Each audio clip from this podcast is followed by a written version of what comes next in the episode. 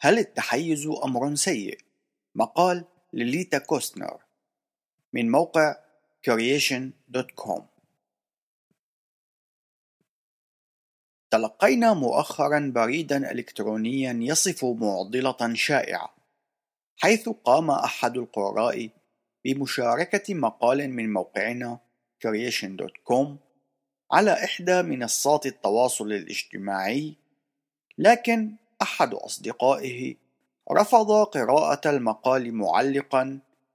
إن أي مقال من موقع يسمى creation أي الخلق لا بد من أن يكون متحيزا.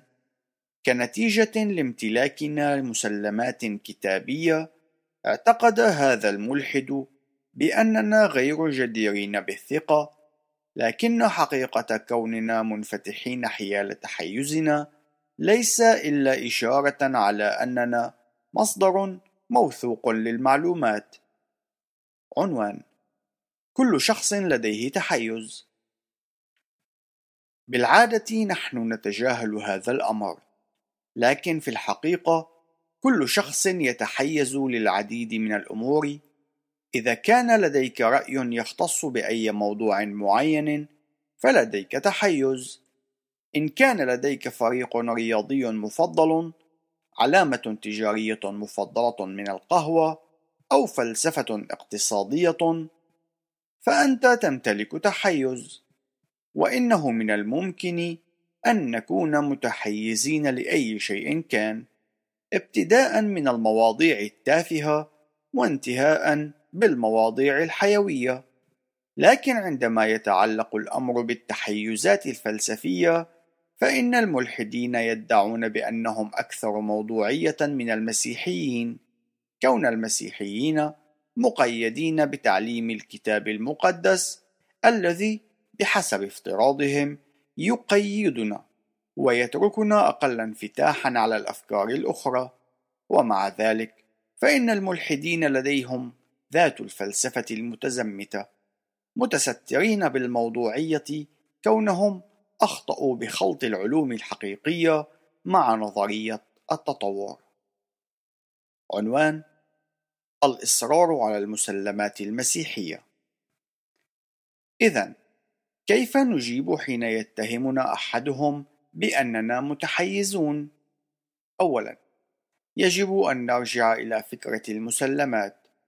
أي منا لديه بعض الأمور التي يعتبرها بكل بساطة صحيحة ودون حاجة لتقديم براهين. هذه الأفكار الأساسية التي ليست بحاجة لدلائل هي ما يعرف بالمسلمات، وبالتالي فإن المسيحيين لديهم مسلمات، لكن كذلك هو حال الملحدين اللا أدريين أي الإجنوستيك ومتبعي الديانات الأخرى. على سبيل المثال، بإمكانك أن تسأل المؤمن بالمذهب النشوئي أي التطوري أن يقدم أمرا ما عن نظرية التطور يكون هو متيقن من صحته وعند تقديمه التفاصيل تتاح لك الفرصة لتظهر له كيف أنه من الممكن تفسير تلك الأدلة بشكل مختلف. لا تسمح لغير المؤمن أن يدعي الاعتدال والحيادية وهو لا يمتلكها. إن كلا الطرفين لديهما تحيزهما الخاص الذي يؤثر على طريقة تفكيرهم وتفسيرهم للأدلة. وإن تعريف المؤمن بالمذهب النشوئي التطوري بتحيزه هو الخطوة الأولى على طريق حوار بناء. بالوقت عينه لا تتخلى عن مسلماتك وقناعاتك لتقف على تلك الأرض المحايدة المزعومة فالحقيقة أنك ستغرق في محاولة الدفاع عن المبادئ المسيحية على أسس غير مسيحية. عنوان: دور الأدلة.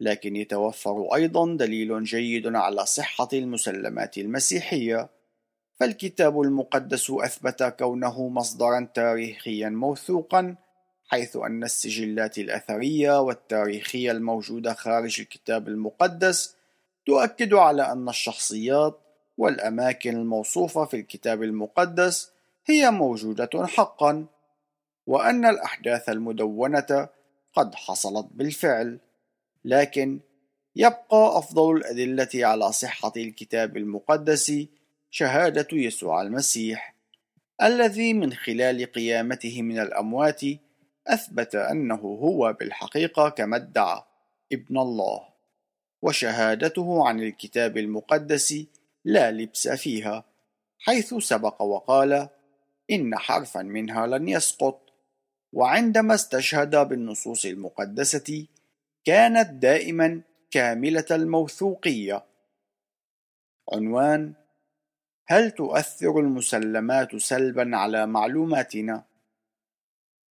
في CMI لدينا وبشكل واضح تحيز أو مسلمات فيما يتعلق بالخلق أي التكوين حسب الكتاب المقدس فنحن نؤمن بأن الأدلة تدعم قصة الخلق الكتابية لكن بالأحرى نحن نؤمن بالخلق كونه تعليما مستقا من الكتاب المقدس وبالتالي حتى وإن تم في القريب دحض الأدلة على وجود أنسجة طرية في عظام الديناصورات والكربون 14 المشع في الماس وجميع الأدلة القوية الأخرى على حداثة عمر الأرض فنحن سنبقى خلقيين لأن إيماننا لم يكن أبدا في تلك الأدلة.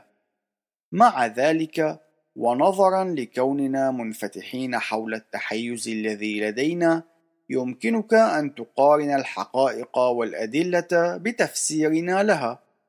فالأدلة على وجود أنسجة طرية خلايا دموية وحتى الحمض النووي في مستحاثات لبعض الديناصورات هو أمر نفسره نحن بأن تلك المستحاثات لا تعود إلى ملايين من السنوات إنما دفنت في الطوفان الذي حدث زمن نوح منذ بضعة آلاف من السنوات. وهذا يوضح سبب بقاء أنسجة غير متحجرة في ظل تلك الظروف الخاصة. أما أصحاب نظرية التطور أي النشوئيون فلديهم تفسيرهم الخاص. ويبقى السؤال المطروح أي من التفسيرين يتفق مع الحقائق والأدلة بشكل أفضل؟